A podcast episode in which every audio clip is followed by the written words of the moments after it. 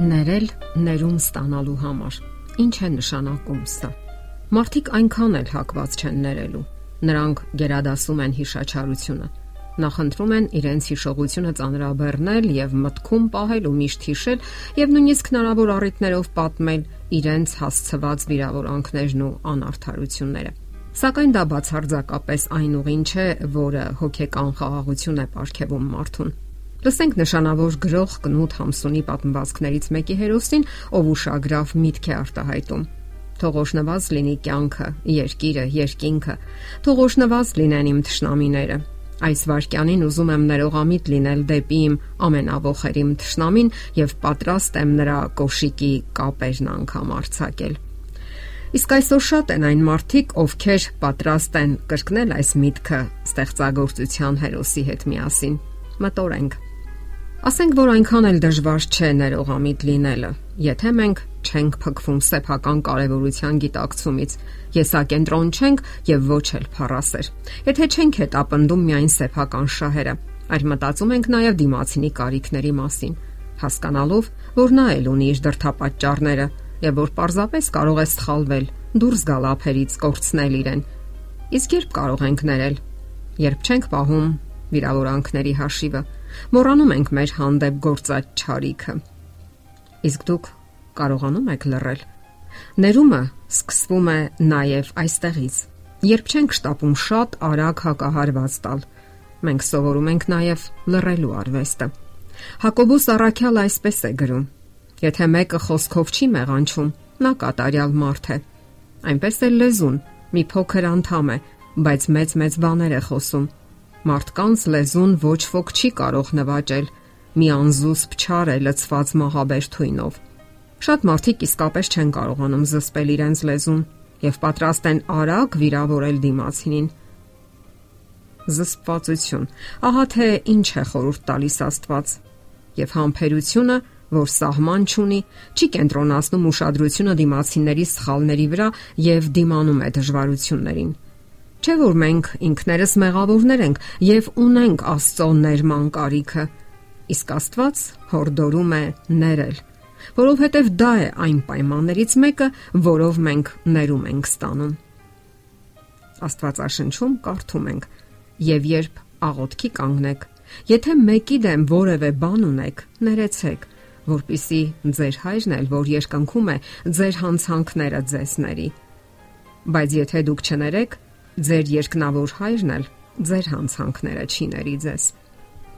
Երբ մեղքը գործվում է, ինչ որ մեկը պետք է հատուցի դրա համար։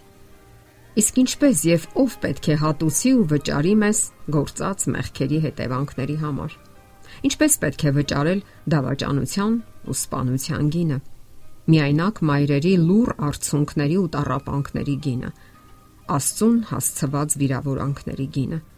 Չէ որ մենք բոլորս ենք մեղավորներ եւ բոլորս կարիք ունենք ներվելու։ Ահա թե ինչու կարևոր է ներելը, որpիսի մենք էլ ներվենք։ Մենք այնքան մեղք ենք գործում կամա թե ակամա, եւ նման յուրաքանչյուր մեղք խախտում է տիեզերական ներդաշնակությունը։ Աստվածաշունչը տալիս է այդ հարցի պատասխանը։ Մեղքի վարձքը մահն է։ Մեր գործած մեղքերի համար մենք պետք է մահանանք։ Սակայն այդ պատիժը Աստված վերցրել է մեր վրայից եւ առաջարկել է հնարավորություն։ Նա մեր փոխարեն իր որդու վրա է դրել մեր մեղքերի պատիժը։ Աստվածաշնչում կարդում ենք. որովհետև Աստված այնպես սիրեց աշխարը, որ իր միածին որդուն տվեց, որ ամեն նրան հավատացողը չկորչի, այլ հավիտենական կյանք ունենա։ Ահա մեր մեղքերի հատուցման գինը, սակայն նույնիսկ այդ մեծ զոհաբերությունը հարկավոր է ընդունել։ Այն ծրի է տրված եւ այնուամենայնիվ մենք ենք ընտրություն կատարում եւ ընդունում այդ զոհաբերությունը եւ այն կատարողին Հիսուս Քրիստոսին։ Մենք ընդունում ենք նրան եւ հավատարմության ուխտ կապում։ Մենք խոստանում ենք հավատարիմ մնալ, մեր կյանքը նվիրաբերել նրան եւ երբեք այլևս մեղք չգործել։ Խոստանում ենք ապրել գիտակցական կյանքով, մեղքից ազատ կյանքով։ Պետք է ընդունել, որ ներելն իսկապես հեշտ չէ եւ որոշ ջանքեր եւ իմացություն է պահանջում։ Մտքերի ու հույզերի, կամքի եւ գիտակցական համառ ձգտումների համադրություն։ Սակայն ով է ասել, որ Հիսուսի համար հեշտ էր խաչի վրա մահանալ մեր փոխարեն։ Արդյոք Հիսուսը ցանկանում էր տանջվել ու տառապել։ Իհարկե ոչ։ Աստվածաշնչում կարդում ենք, որ նրա մարդկային էությունը տառապում էր ու տանջվում։ Նա ցավ էր զգում, այնպես ինչպես մեզանից յուրաքանչյուրը, եւ այնուամենայնիվ նա դիմացավ։ Նա իր կամքը հնազանդեցրեց Աստծո կամքի մեծ նպատակներին։ Կարդում ենք. Իմ հայր, եթե կարելի է, թող այս բաժակն ինձանից անցնի, սակայն ոչ թե ինչպես ես եմ կամենում, այլ ինչպես դու։ Ահա թե ինչ է պահանջվում մեզանից՝ ներել եւ խաղաղվել։ Ներող անznավորությունը խաղաղություն է զգում։ Իսկ այդ խաղաղությունը կարող է տալ միայն Հիսուսը։ Այնպես, ինչպես նա խաղաղեցրեց խռովահույս եւ փոթորկալից Գալիլեական ծովը։ Տարերքը հնազանդվեց նրա ամենակարող խոսքին։ Ճիշտ այդպես նա կարող է խաղաղություն ապարգևել մեր տագնապած հոգուն կգնանք արդյոք նրա մոտ մեր բոլոր վիրավորանքներով ու անարթարություններով, պատրաստ ներելու եւ ներվելու։ Պատրաստ ենք հասկանալու դիմացինի մարդկային թերություններն ու վրիպումները։ Եթե այո, ուրեմն մեր հոգեվոր որոնումներն ու աճը ընթանում են միանգամայն բնականon ուղիով։ Մենք կարող ենք ներել եւ ստանալ Հիսուսի ներումը։ Ներել ներվելու համար։